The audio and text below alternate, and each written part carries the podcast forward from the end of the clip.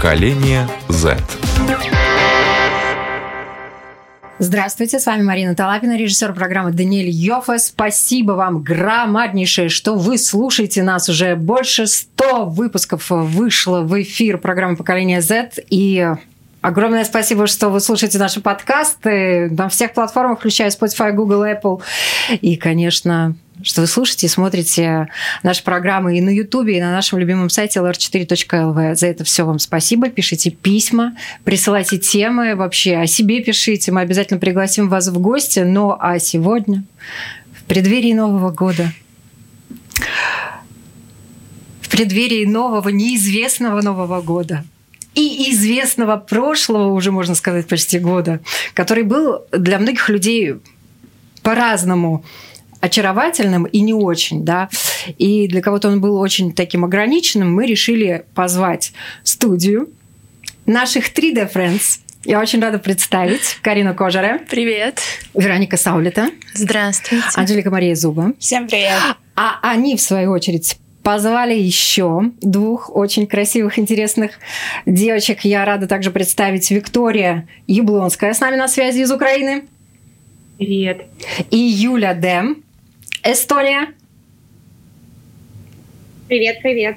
А я позвала сегодня Мартину Карлин, Всем привет. Которая мне поможет вести программу. И мы вам, уважаемые слушатели и зрители, расскажем, как вообще, в конце концов, расслабиться и встретить Новый год, и как вообще воспринимать все то, что в этом мире творится, легче, интереснее и посмотреть на все это немножко по-другому.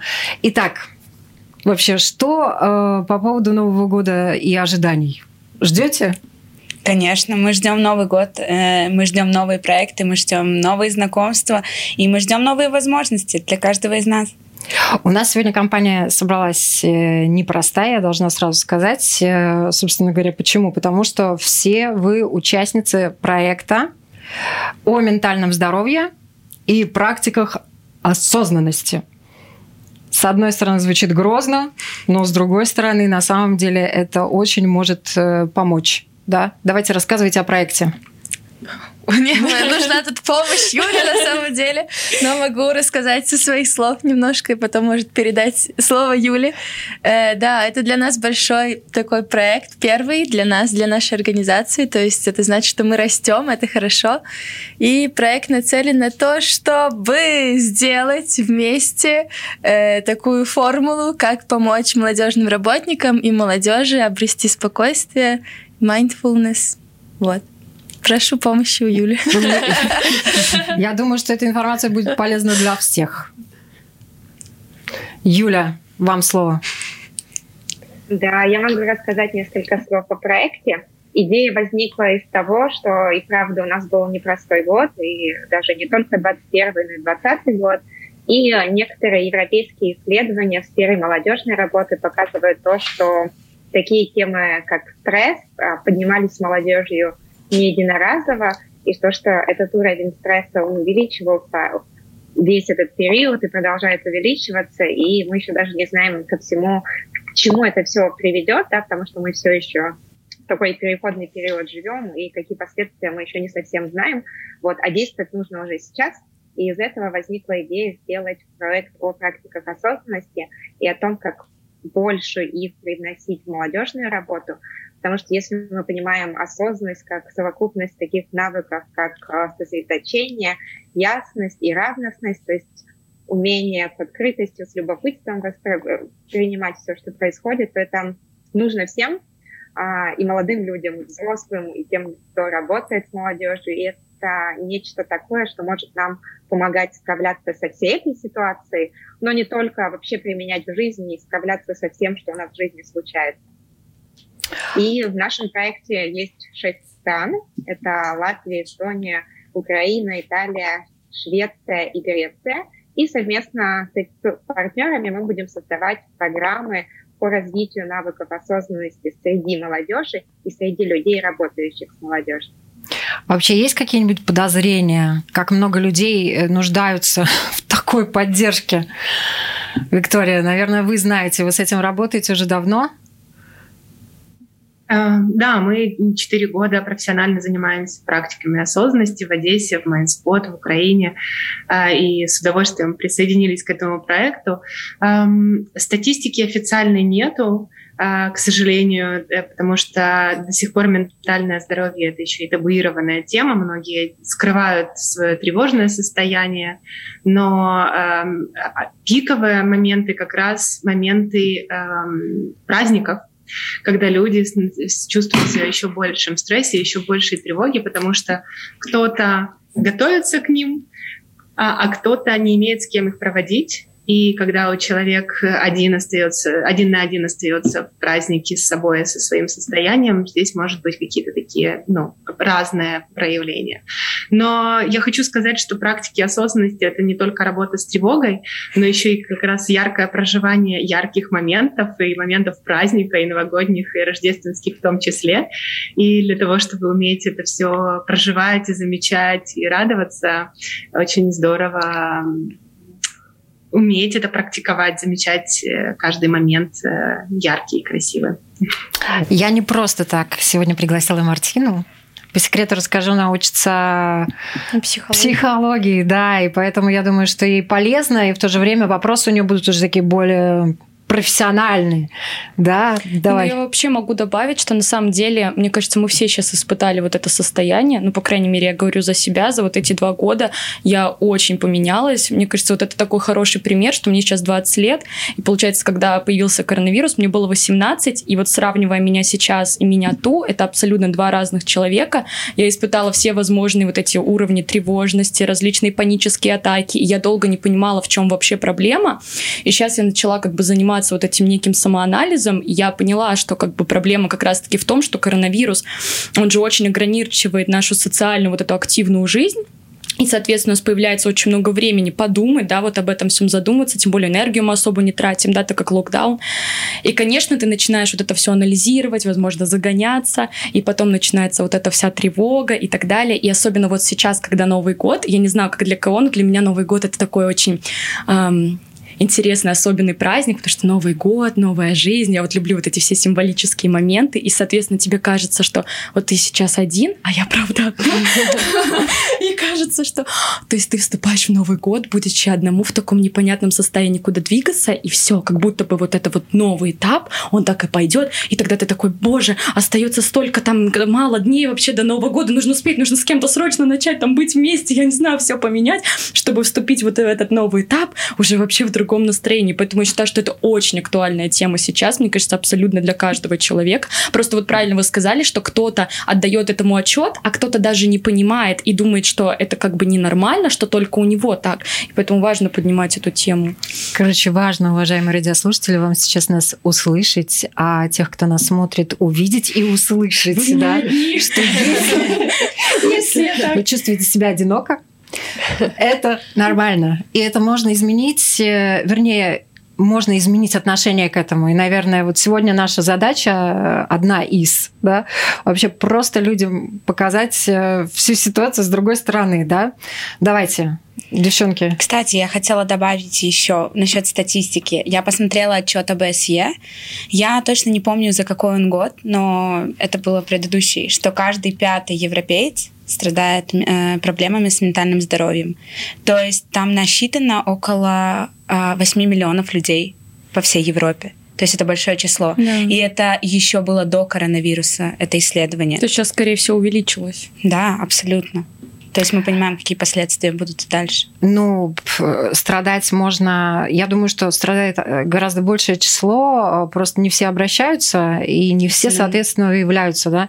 И далеко не всем ставится диагноз. Может быть, кто-то страдает в легкой форме и может сам себе помочь, или ему могут помочь его друзья. Это тоже важно. Виктория, вот хочется вообще я не знаю, прям начать тренинг, я бы даже сказала. Ну, здесь давайте договоримся, да, что мы говорим все-таки о ментальном здоровье, это важная тема, и если у человека есть какие-то расстройства, то важно понимать и пойти к специалисту. Да, если вы наблюдаете за собой э, там, проблемы со сном, регулярная тревожность, панические атаки и другие проявления, хорошо идти ножками э, в зуме к специалисту и, и говорить. Мы говорим э, в рамках ментального здоровья про практики осознанности, как про well-being все-таки, и как сделать так, чтобы не допустить до депрессии, до глубоких таких проявлений, и статистику, о которых упоминали в этой студии, э, каждый пятый Э, испытывать депрессию. Эта статистика была про депрессию, про клиническую депрессию. Это шокирующие на самом деле цифры. Мы в рамках практик осознанности говорим о том, как э, на ежедневной основе заниматься своим ментальным здоровьем. Мы это называем ментальной гигиеной. Знаете, вот как я утром иду принимать душ или чистить зубы, вот точно так же утром занимаюсь своим таким ментальным душем для того, чтобы было попроще. Мне когда-то подруга подарила образ такой, говорит, слушай, ваши эти практики осознанности вызывают зависимость. Я говорю, в смысле? говорит, ну вот попрактикуешь 5 минут, там 10 минут помолчишь, подышишь, и потом хорошо себя чувствуешь. Нет, начинается как-то, как не так день не, не задался. Я говорю, слушай, а у тебя не удивительно, что если ты зубы почистила, все нормально, если да? А, поэтому это вот про ежедневную такую рутинную, приятную штуку, и для того, чтобы ярче понимать, лучше понимать себя, и какие-то моменты отследить эмоции, и это нормально, да, там, одиночество, и преддверие Нового года, и тревожность, и так далее, это все нормальная история. А, мы ну, много про это, мы, может, попробуем что-то сделать сегодня совместно, может быть, нет, но, наверное, основной месседж мой сегодня о том, что э, ментальным здоровьем важно заниматься а, ежедневно, а если вы чувствуете, что вам нужна помощь, идите за помощью, потому что сейчас много есть профессионалов в этой теме. Виктория, ну, пожалуйста, я хочу, я уже заказываю наконец программу, чтобы вы обязательно какую-то практику по гигиене э, ментального здоровья, как вот почистить зубы, пять минут э, всем нам дали, чтобы это помогло и нам, и зрителям, и слушателям, чтобы мы реально сами себе начали помогать уже начиная с нового года, с нового 2022 года. Вообще тема одиночества, я думаю, и тема э, ну, такого напряжения, тревожности, она возникала вот у каждого из нас. Угу. Вот, ну, наверное, нет такого человека, у которого она не возникала. Юля, Признавайтесь, сколько раз вы она у вас возникала? Вы же не чувствуете сейчас себя одиноко? Сейчас нет, я вместе с вами. И надеюсь, со всеми теми, кто нас слушает и смотрит. Вот. Но вот то есть э, те цифры, на которых я основывалась, когда придумывала и писала этот проект, это было исследование и именно в молодежной работе, да, и 90% респондентов ответили, это было исследование, и именно как пандемия повлияла на молодежную работу, на сферу молодежной работы, и 90% респондентов отметили, что почувствовали на себе увеличение уровня тревожности и стресса как раз. Вот, то есть я исходила это именно из этого, и вот этот вот уровень тревожности и стресса, он связан с изоляцией, да, когда нельзя куда-то ходить, любые ограничения какие бы они ни были, они нас ограничивают, нашу свободу, да, и несут за собой последствия. Это связано с уменьшением социальных контактов, потому что как раз общение, взаимодействие с другими, с другими людьми, оно тоже влияет на наше настроение и помогает нам оставаться в тонусе. И это связано с тем, что мы не знаем, чего ждать дальше, чего нам принесет завтрашний день. И сейчас это уже нечто такое, что нам нужно принимать как данность, как то, в каком мире мы живем, и это нам еще более актуализирует важность и необходимость навыков осознанности, да, то есть чтобы уметь справляться с этой ситуацией, потому что если даже мое еще поколение, а, мы выросли без мысли, что может что-то такое вот произойти, что у нас произошло в 2020 году, хотя много всего другого происходило, то нынешние подростки, которые, для которых вот эти два года большой промежуток времени, вот представьте, если это ребята, которым, я не знаю, 15, 14, 16 лет, для них два года это очень большой промежуток времени, то они будут и дальше жить с этим ощущением, что может произойти всякое, да, что это может повториться. Но на самом и деле, как бы... мне кажется, это такой хороший тренажер. Вот, Карина, э, на самом деле, мне кажется, уже какие-то адаптационные вопросы ну, ты привыкла отчасти, нет? Потому что все меняется. Девчонки, вопрос тоже вам. Ну, как сказать, привыкла.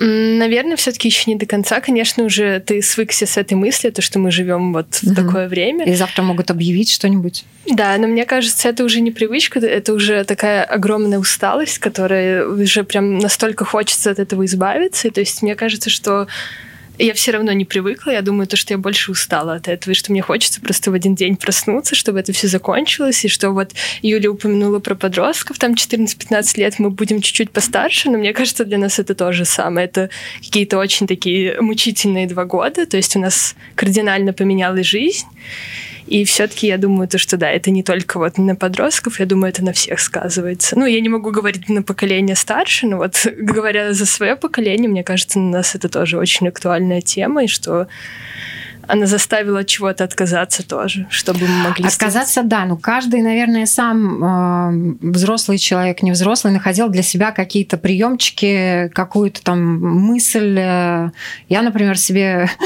сказала, ну, на дорогу не загадывают, все. Как идет, так идет, как будет, так будет, да, ну, то есть... просто ничего уже не можешь поделать, это остается просто смириться, мне кажется, для своего же спокойствия, потому что вначале у нас всех был, мне кажется, вот этот протест, то есть мы не могли признаться, то есть там принять вот эту ситуацию, ситуацию и хотелось что-то там делать. Но потом вот сейчас ты сказала про усталость, а у меня усталость, наверное, в том, чтобы бороться. То есть я уже просто все. Мне уже все равно.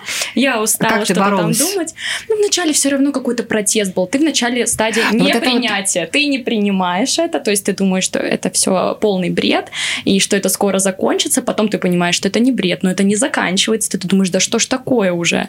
А потом вот э, началась вот эта стадия, что хорошо, я ничего не могу поделать, и лучше я буду искать в этом какие-то возможности для себя. Все-таки что-то хорошее в этом-то есть.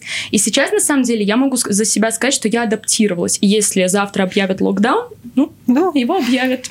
Хорошо, ничего страшного. Не объявят, и тоже хорошо. Ничего страшного. объявляют. То есть как будто бы ты все плохое уже преодолел, что хуже уже как будто бы... А вот мне кажется, Мартин, ты сейчас очень классно проиллюстрировала такой внутренний э, внутренняя борьба с самим собой. Да. Сначала ты весь такой, о, да. ну, агрессивный, вот эти три стадии. потом ты усталый, и потом ты безразличный к теме разговора. Ну вот я не знаю, это безразличие или это адаптация? Ну вот мне кажется и то, и то. Это одно от другого пошло, мне так кажется. А я думаю, что Виктория знает ответ на этот вопрос. Я точно знаю, что у нас изменился способ получения ресурса да, своего. Мы устаем почему? Потому что мы как бы, понятно, что мы очень много времени тратим на то, что мы сомневаемся, будет локдаун, не будет, как я проведу Новый год, как я, там, что там будет дальше. По поводу этого есть короткий комментарий, что э, если мы научимся быть в моменте, ну, то есть если я знаю, что есть прямо сейчас, mm-hmm. мне нет много времени, силы, внимания Э, необходимости распыляться на то, что будет завтра. Это не в смысле, что не надо планировать, там, не знаю, список подарков, которые я хочу подарить. Но я точно не буду волноваться и планировать на там, месяцы вперед. Мне кажется, что э, коронавирус нас, к сожалению, научил этому. Поэтому это способ вот научиться. Прямо сейчас. И вот это вот, что есть прямо сейчас, это способ получить ресурс, потому что Раньше мы могли пойти больше к друзьям, мы могли пойти больше в кино, мы могли больше путешествовать, мы могли какие-то вещи делать, которые сейчас мы не можем так спокойно делать. И похоже, это нас научает тому, чтобы э, ну, найти другие, другие способы. И это очень сильно про, сейчас может быть очевидную для вас вещь, а может быть нет, скажу.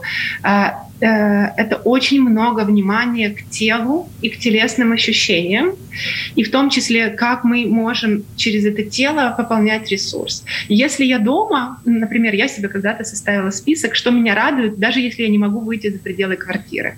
И это может быть там приятный душ, теплая ванна или вкусный чай, или какая-то, не знаю, кашемировая моя любимая кофточка. Все что угодно, что меня может порадовать, даже если нету внешних вот этих привычных радости. И чем больше я научаюсь быть э, вот бы, с такими, такими интересными ощущениями, чем больше я научаюсь подпитывать себя разными э, доступными способами напитывания радости, я вот как раз хотела предложить сделать потом практику про э, ощущение приятного и радости, и что радует, в принципе. И вот чем у меня таких моментов в дне, тем легче мне не загадывать на будущее, не планировать и не паниковать по этому поводу, потому что прямо сейчас мне хорошо. Я сейчас сижу на уютненьком креслице, у меня тепленькая кофточка, я смотрю на вас и радуюсь вашим вкусам. Вот эти вот микромоменты, они же наполняют на самом деле. И мне кажется, что это вот наш способ научиться наполняться не от чего-то большого, а глобального, вот от этого не маленького, и тогда ресурса будет больше, и, и с тревогой, и со всеми другими переживаниями нам легче будет справляться, когда ресурса этого внутреннего будет больше. Да, вообще, я ему просто быстренько скажу, что а, залог того, чтобы побороть тревогу, один из залогов, это как раз-таки находиться в моменте. То есть спросить себя, меня сейчас конкретно что-то беспокоит, мне что-то угрожает?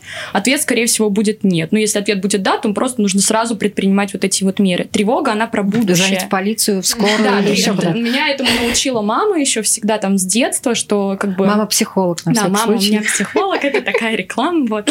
А, и, в общем, поэтому, да, она мне всегда говорила, когда я, мама, мне так плохо, она говорит, тебе сейчас что-то угрожает? Нет, все, все хорошо. Потом уже будем думать, если что. И мне кажется, что коронавирус вообще лично для меня стал возможностью познакомиться с собой. Потому что до этого ты живешь вот все время в этих планах на будущее, а ты все время куда-то идешь, спешишь, и у тебя нет времени вообще узнать себя и с плохой стороны, и с хорошей. Поэтому вот нужно использовать какие-то возможности. Вероник, вот я как раз хотела у тебя спросить по поводу того, что мне кажется, спасибо коронавирусу, надо сказать, да? Он много чего сделал хорошего, он обострил. Вот это в моменте он многих людей этому научил. И ты согласишься со мной, я надеюсь, что все остальные тоже согласятся, когда тебя сначала закрывают дома, а потом тебе разрешают сходить в кино, ты в это кино идешь по-другому. Угу. Это поход, походище. Да, это абсолютно, абсолютная правда, да. Каждое мероприятие после того, как нас закрыли, я помню до сих пор нашу первую вечеринку, когда мы пошли с девочками после первого еще локдауна, когда мы не знали, что будет второй, третий, четвертый.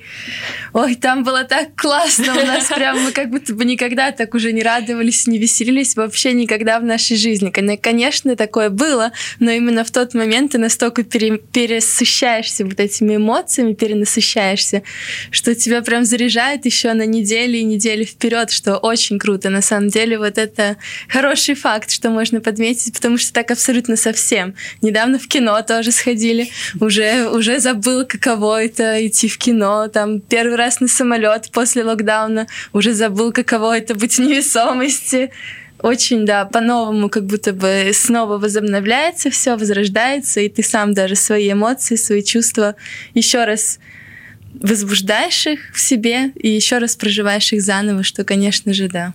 Но мне кажется, тут еще есть такое, то, что вот как Вероника, допустим, упомянула, то, что ну, мы начинаем что-то новое, ну не новое, а как бы уже новое, и мне кажется, тут еще важно, чтобы не перенасыщить не перенасытить. Не, пере, не переесть. Да, не переесть. Да, локдаун, Этого... После локдаун диеты не, да. не, не пережрать, извините, пожалуйста.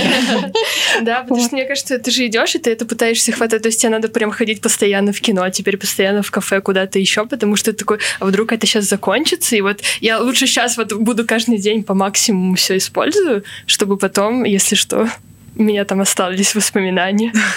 Я хочу еще вас попросить, чтобы вы рассказали немножко побольше нашим слушателям, что такое вообще практики осознанности. Да, потому что многие такие практика осознанности, да, там вспомнить э, Соломона, многие знания, ну, много печали, да, там, там, а может и не надо задумываться-то, а что это? Я могу подключиться коротко. Э, осознанность — это умение замечать и адекватно проживать то, что есть прямо сейчас в этом моменте. И это про весь спектр, про эмоции и про мысли, про телесные ощущения, про все, что мы видим вокруг, про все, что мы слышим вокруг. И как-то с этим взаимодействовать, если это нужно. Да? Если это какое-то тревожное состояние, как мама учила, мама-психолог учит, э, если что-то угрожает, надо с этим э, как-то ну, как взаимодействовать. Если нет, то признать, о, окей, как мне сейчас, у меня есть тревога. Окей, это эмоция, что я могу с этим сделать? И надо ли с этим что-то сделать? То есть практика осознанности — это вот такое э, ментальное упражнение, по наработке этой внимательности ко всему спектру, к эмоциям, к чувствам, к мыслям. И ну, я называю это адекватное реагирование, чтобы не залипать, чтобы не впадать в эту эмоцию, чтобы не паниковать и проживать это а нету у кого-нибудь другой крайности? Вот уже начинает все осознавать. Каждое свое действие. Так, я психанул. Я должен подышать. Так, я разозлился. Там, или я, о, я счастлив. Надо это зафиксировать классное исследование, я сейчас не буду немного об этом говорить, но э, цифры показывают, что люди, которые практикуют регулярно ментальные упражнения, действительно проживают все намного ярче. Это как картинка 3D да, или 4D, как, когда классный экран, когда классные э, там пиксели, я вижу все четче и четче, когда на картинке такие подробности, такие детали, которые я раньше вообще не замечала. Оказывается, страх живет вот здесь у меня там под лопаткой, да, я когда чувствую страх, у меня вот здесь подсасывает. Или какие-то другие вот такие подробности. Или наоборот, когда радость, э, я прям настолько перенасыщаюсь, что я не могу удержать себя и начинаю прыгать по комнате под прекрасной музыки, которую я там. Но еще, ну, еще один факт, что это не только про яркое проживание, а как раз не про залипание, потому что у нас, вот как, не знаю, когда мы смотрим на, там, наблюдаем за эмоциями, за мыслями, можно сравнить это с, не знаю, с трассой, с машинками, да, которые едут, и каждая машина — это одна эмоция, одна мысль, еще что-то. Там беспрерывный поток. И если я залипаю на одной машине, я начинаю упускать все остальные. Я не, не замечаю все остальное. Поэтому э, осознанность — это уметь заметить каждую машинку или каждую эмоцию, каждое чувство, и в то же время не залипнуть на ней. Получается, что если человек это умеет делать, он как будто бы ярче картинку, но не залипает. Он не не говорит, я обижаюсь на тебя уже треть.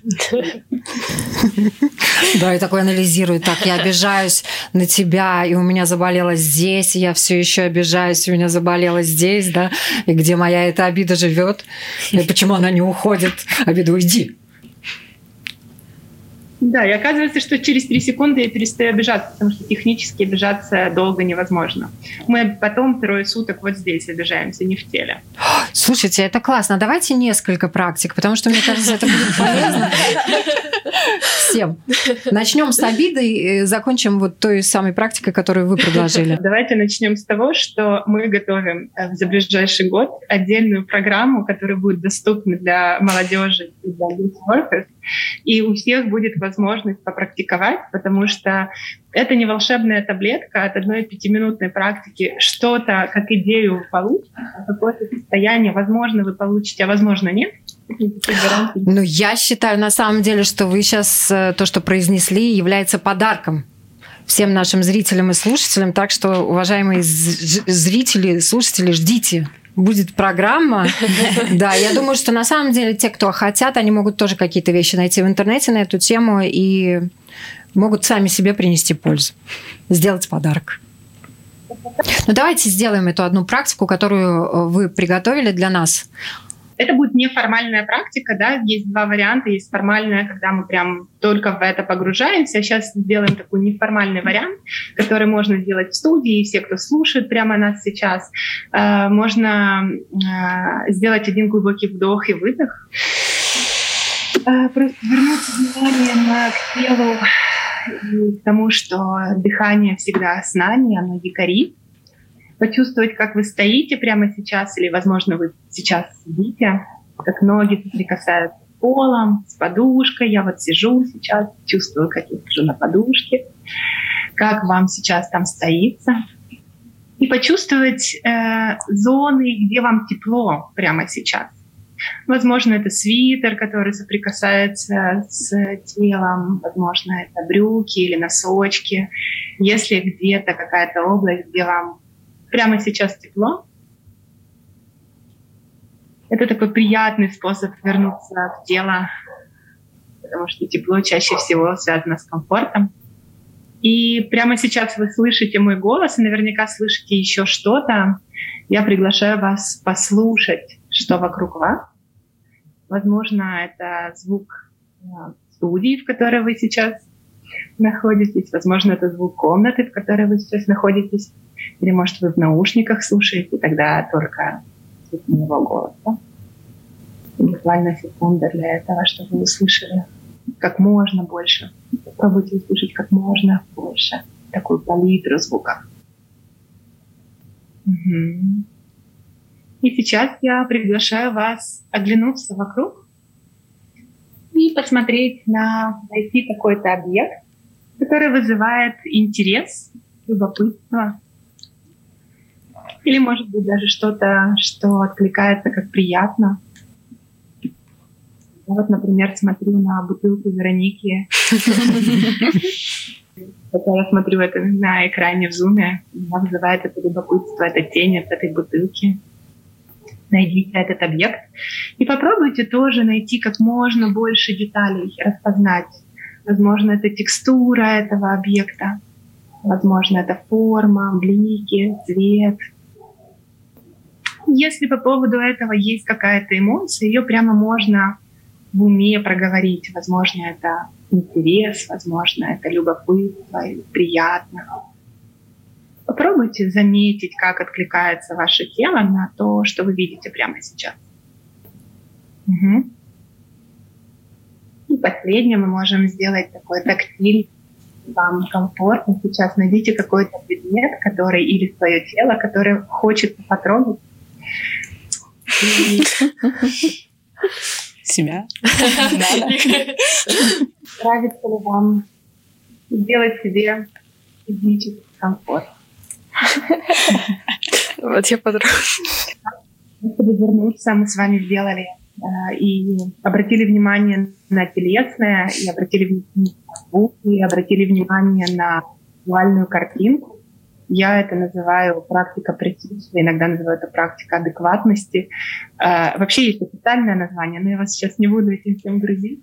И это, кстати, хорошая практика и про замечать что-то красивое, приятное.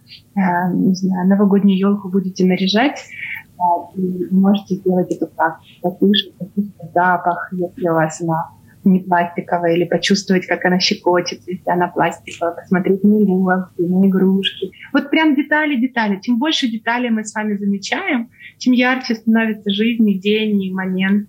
И от этого у нас есть насыщение и наполнение. Скажите, интересно, что у вас получилось, э, что интересного, возможно, нашли, коротко, если откликнитесь. Анжелика, давай. У меня там какой-то старый, э, странный предмет, металлический, я так думаю. Но он меня почему-то связал с притяжением, со связью какой-то. Все посмотрели, что это. Я понятия не имею, что это. Но он такой серебряный, очень приятный, и я его связываю почему-то мне как магнитик. Связь какая-то. Я теперь знаю, как выключить свой микрофон, потому что я смотрела на эту штуку, и там написано push, то есть, чтобы его выключить, мне надо, видимо, нажать, и тогда я смогу его вытянуть, и еще тут написано номер 4, то есть, скорее всего, что-то он тоже значит, четвертый номер. Вот. Э, я смотрела на телевизор, и мне прям вот эта картинка показалась такой мягкой, что я не знаю, как будто как бархатный диван, на который хотела сесть. Ну, понятно, что это телевизор. Я бы не села. Но я не знаю, мне хотелось его потрогать, потому что мне казалось он каким-то очень мягким и приятным. Юля, вам мне было очень интересно держать в фокусе одновременно, что у меня происходит в пространстве и ваше пространство в студии. То есть это тоже такая практика присутствия, когда, потому что часто, когда мы присутствуем онлайн, мы так погружаемся в экран, и для меня это было напоминание о том, что есть еще внешний мир. Мартин. Я повторюшка, я смотрела на бутылку воды. И она мне очень понравилась. Я позволю сейчас себе снять наушники и показать вам, на что я смотрела. Я начала смотреть на камеру, но она мне быстро надоела. Кстати, вот эта возможность э, О.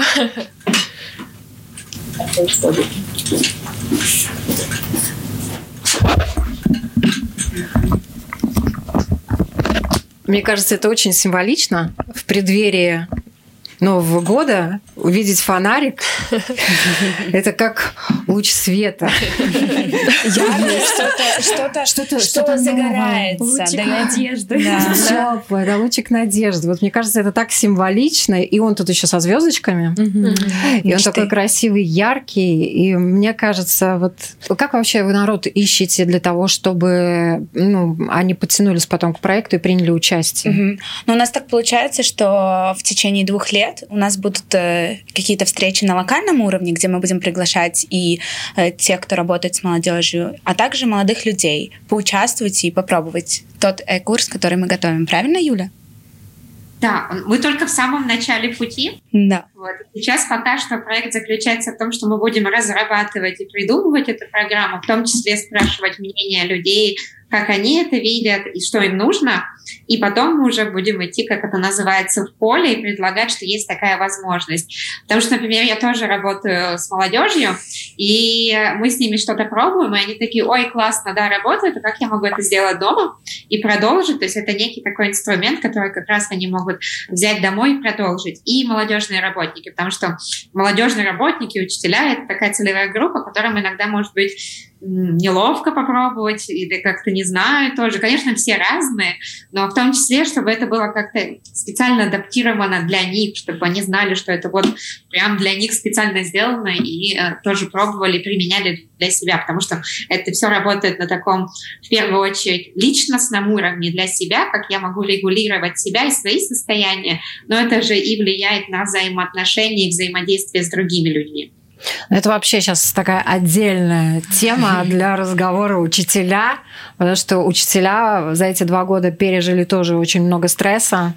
И для того, чтобы нормально взаимодействовать через э, интернет с учениками, для того, чтобы программы по-новому подавать, э, все эти школьные, это, конечно, требовало много усилий, и не только умственных, но и физических, и душевных.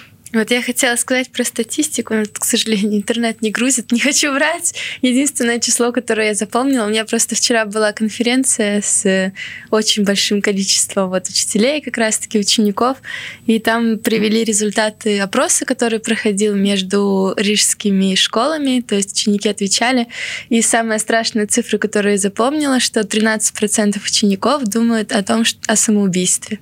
И это, да, это вот было прям супер страшно для меня. Я, к сожалению, не могу сейчас загрузить, но там была интересная статистика, что практически, ну вот очень не хочу врать, где-то возле 70% учеников, они все говорят, что у них проблемы со своим, ну, с ментальным здоровьем, что они не справляются. И да, и я помню, были о том, что слишком много загружают в школе, это тоже был один из факторов. Слишком много ограничений. И, ну вот, да, про самоубийство я прям запомнила, ну, плюс потому что еще это очень ограничений, помимо тех ограничений, которые нам э, в связи с ковидом э, было поставлено ограничение у школьников от родителей с самого детства. Угу. Взросление – это путь к свободе в какой-то степени. Ну, тут возраст играет такую очень важную роль, потому что как раз они в таком сейчас э, возрасте, когда они формируются, и получается, что вот это их формирование приходится на такую ситуацию в мире, и они не могут жить вот этой полной жизни, и им кажется, как будто это никогда не закончится, и они не знают, как ну, в таком осознанном возрасте было бы по-другому, и поэтому, естественно, вот появляются такие вот мысли ужасные. Короче, я желаю вам, чтобы ваша программа стала программой, э, школьной программой, да, частью школьной программы и какой-то урок по гигиене ментального здоровья. Я думаю, что школьникам будет только полезен, mm-hmm. как и учителям. Мы в первую очередь ориентируемся на сферу молодежной работы, да, то есть как бы чтобы сначала привнести это в неформальное а я ставлю вам задачу на 2030 год. Никто вам не мешает идти дальше. Просто пока что, да, в неформальной среде, возможно, это легче, и это будет приниматься. Сейчас я сделаю каминг-аут. Хотите? Давайте. Я магистр Social Science of Psychology. Да. То есть я тоже немножко ваша. Да. Мы спасибо большое. Виктория, спасибо громадное вам за эту технику. И э, я надеюсь, все, кто нас слышал, тоже что-то для себя классное увидели, услышали. И давайте вообще сейчас пожелаем э, что-нибудь и себе, и миру. Виктория. У меня, как э, повторяюсь часто, про быть себе добрым другом. И я желаю всем нам быть себе добрым другом и в преддверии Нового года, и в следующем году, потому что э, мы у себя одни, и если мы можем себя наполнить, насытить, то и миру мы можем дать значительно больше. А как много вообще существует э, техник осознанности, которые человек может применять э, к самому себе? На самом деле разновидностей э, практик достаточно много, и они можно их делать индивидуально, индивидуализированно под разные запросы.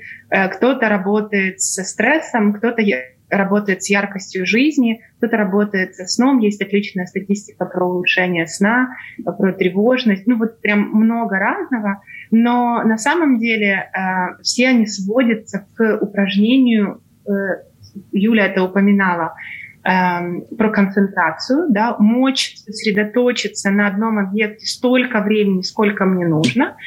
Я исследую, например, у меня есть красивый стаканчик с лимоном, с водичкой, и я исследовала его э, в какой-то момент, и я могу сосредоточиться на нем столько, сколько мне надо. И вы можете это перекладывать на все что угодно. Когда вы делаете какое-то задание, готовите презентацию, если вам нужно сосредоточиться, вот можно это прокачать. Второй момент — это то, что называется ясность. Это уметь заметить много. Это то, что мы сегодня делали. Да? Не просто это бутылочка, а бутылочка, ее форма, тени, блики, вот все-все-все. Чем больше деталей, тем яснее и тем ну, как бы более насыщенно все случается. И третья часть — это равностность или принятие, или я это еще называю интересом. Да? Могу ли я это смотреть на это все сквозь призму такого любопытства. О, вот что оказывается, локдаун у нас очередной. М-м-м, посмотрим, что с этим я буду делать. О, так, что у меня тут, сколько дней до Нового года? М-м, ну окей. Ну то есть любое событие я научаюсь принимать через вот эту призму любопытства. Это не про позитивное мышление, не про то, что я сейчас буду там радоваться всему-всему и хорошему.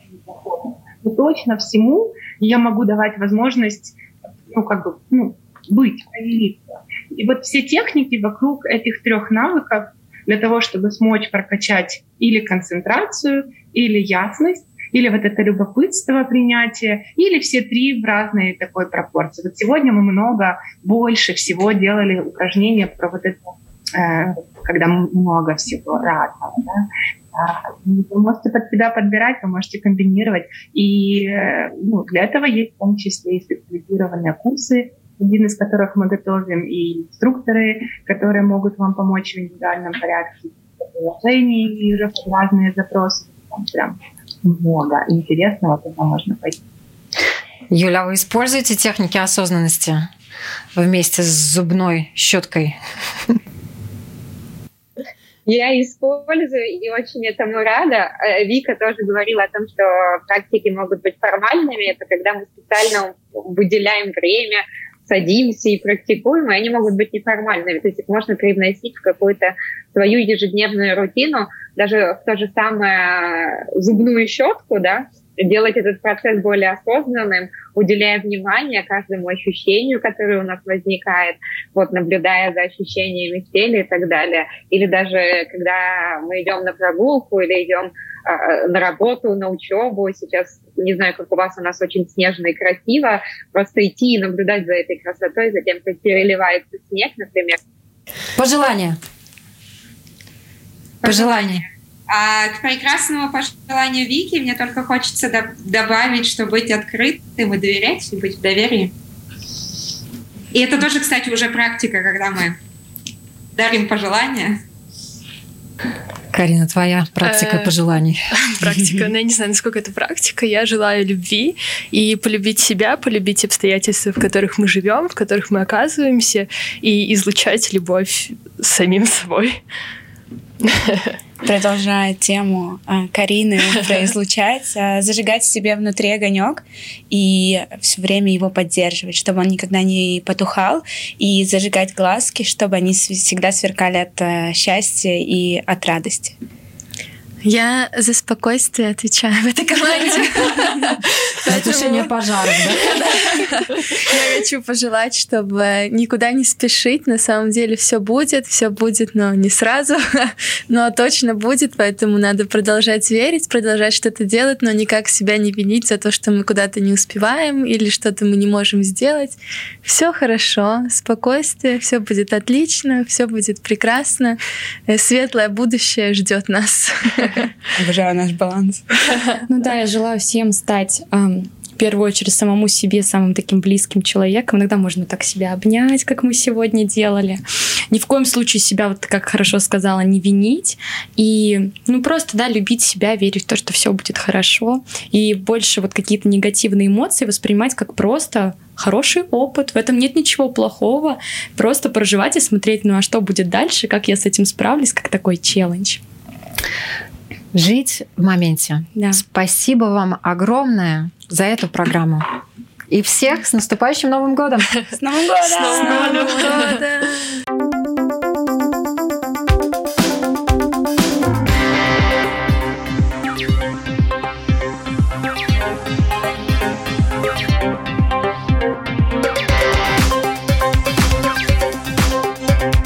Поколение Z.